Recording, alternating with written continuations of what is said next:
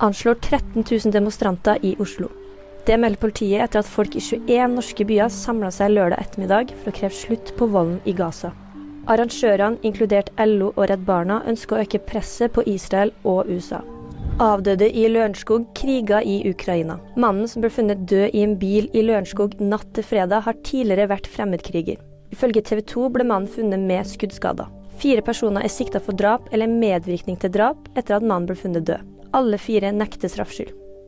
Rekordlave seertall. Semifinalen av Maskorama sist helg var den desidert minst sette episoden av programmet til nå. Nå ligger årets sesong an til å bli den første med under én million seere i snitt. NRK ser likevel positivt på situasjonen og fokuserer bl.a. på engasjement i sosiale medier og på NRKs nettsider. Og nyhetene finner du på VG.